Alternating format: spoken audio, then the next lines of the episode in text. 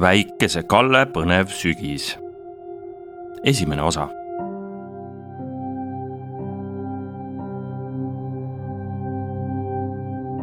nagu kõik lapsed, kelle sinistes pükstes on otse tasku kohal väike auk, kust on hea kärbseid taskusse toppida, tead ilmselt ka sina väikest Kallet. täpselt nii. sul on õigus väike Kalle on too punase peaga blond poiss, kes elab siit väga kaugel, kohe ümber nurga naabertänavas ja kellele üle kõige meeldib süüa sooja jäätist. igal teisel pühapäeval sõidab aga väike Kalle koos oma isaga valima. ta isale meeldib kohutavalt valida.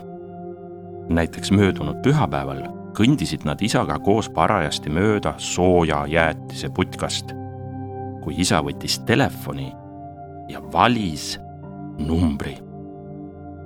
mõni minut hiljem valis tema isa juba uue numbri ning nii läks see õhtuni välja. iga natukese aja tagant oli isal vaja valida uus number, öelda telefonitorusse.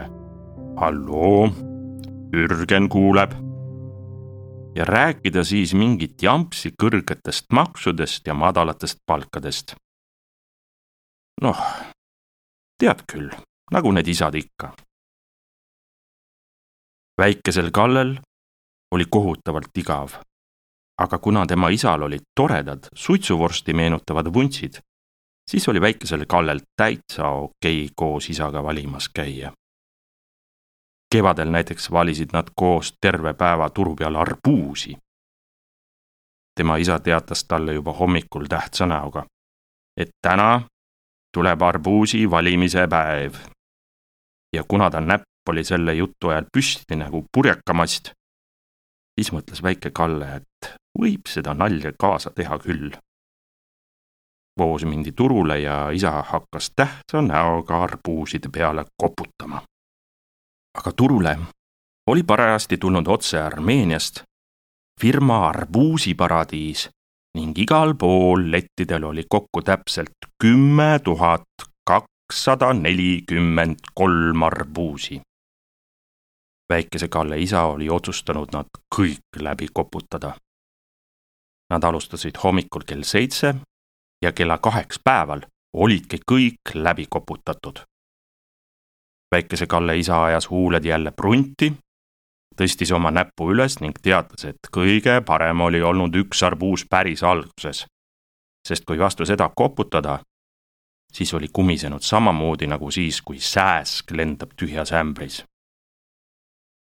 siis hakkasid väike Kalle, tema isa ja Armeenia firma Arbuusiparadiis esindaja, kellel muide oli kuklasse tätoveeritud väikese pardipilt arbuuse uuesti läbi koputama. kui nad selle õige lõpuks õhtul üles leidsid, oli Aktuaalne kaamera läbi, väikese Kalle isa vuntsid sorgus ja väikesel Kallele ära tulnud kaks piimahammast, sest ta oli parajasti sellises eas. kui nad kodu poole läksid, isal suur roheline arbuus kaenlas teadis väike Kalle, et see ei jää nende viimaseks pühapäevaks, kui nad koos valimas käivad. ja tõepoolest, ühel kenal juulikuisel pühapäeval käisid nad valimas seltskonda.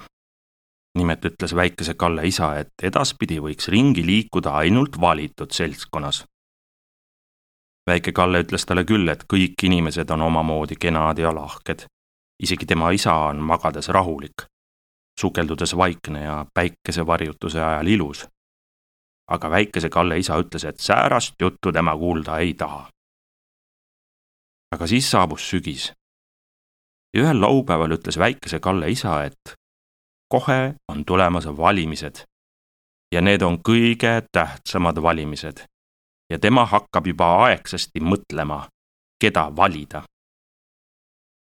siis rääkis isa tähtsa näoga veel midagi poliitikast ja presidendist ja uh, blablabla bla, noh, nagu isad ikka, tead küll. ja siis korraga ütles väikese Kalle isa, et tema küll mingit peibutusparti ei vali. ja täpselt samal silmapilgul ma tean, et sa seda ei usu. aga vannun oma vanaema Kuldristi nimel, et see on tõsi. Märkas väike Kalle, kuidas aknakardin liigutas. ja siis kostis käeks. ja veel üks käeks. ja kui väike Kalle kardina juurde hüppas, siis nägi ta, et aken on lahti ja aknalaual istub keegi mees, selg tema poole. ja viimane asi, mida väike Kalle nägi, oli mehele kukla peale tätoveeritud väike part siis hüppas mees aknalaualt maha ning kadus kibuvitsapõõsastesse, mille lõhn oli magus ja soe. väike Kalle keeras ringi ja vaatas kohkunult isa poole. mõtle ka, isa seisis tardunult keset tuba. tema näpp oli püsti, tema huuled olid paigal, tema silmad vaatasid ühte kohta nagu kivikuju väike Kalle ei saanud aru, mis oli juhtunud, kui ta teadis, et see pole normaalne. ta oli näinud oma isa igasugu imelikke asju tegemas. näiteks oli ta ükskord lubanud väikesele Kallele, et parandab ära tema jalgratta. aga õhtuks oli jalgratta asemel õue peal sirge raudtoru, kolme sahtliga kummut, hunnik mutreid ja lill kapsas. teinekord oli isa jällegi öelnud, et teab täpselt, kuidas peaks bussis käituma nimelt tuleb istme peale panna puhas rätik ja pükstesse kuiv ajaleht, sest muidu tulevad pisikud läbi püksitagumiku. aga midagi nii imelikku polnud väike Kalle veel varem näinud. tema isa oli kivikuju. kui väike Kalle isale lähemale astus, märkas ta aga veel ühte täiesti pöörast ja kohutavat asja. Nimelt oli tema isa suust kõlanud viimane sõna õhku kinni jäänud. ja, ja usu mind, väikese Kalle isa huulte juurde otse õhku oli väikeste selgete tähtedega kirjutatud peibutuspart. sel hetkel teadis väike Kalle, et isa päästmiseks peab ta välja selgitama kolm asja. esiteks, kes oli see mees, kes tema isa kivikujuks muutis? Teiseks, mis asi on peibutuspart? ja kolmandaks, kus hoiab isa kaneeli ja suhkrut, sest väike Kalle oli lugenud, et magus aitab paremini mõelda. veel samal õhtul istus väike Kalle köögilaua taga, sõi suhkrusaia kaneeliga ja otsustas kohe samal öösel oma uuringutega algust teha. kivikujuks tardunud isa seisis elutoas ning et tal nii kurb poleks seista, oli väike Kalle pannud talle kaela möödunud aastased jõuluehted ning mõned tuled. Need vilkusid pimeduses ning punaste ja roheliste tulede valguses nägi väike Kalle uuesti, kuidas isa suu juurde otse õhku oli kirjutatud salapärane sõna peibutuspart. mõistatus tuli lahendada ja väike Kalle teadis, et see pidi juhtuma veel enne tähtsaid valimisi. väljas oli pime. isa vilkus. väikese Kalle suu ümber oli kaneelirant. algamas oli põnev sügis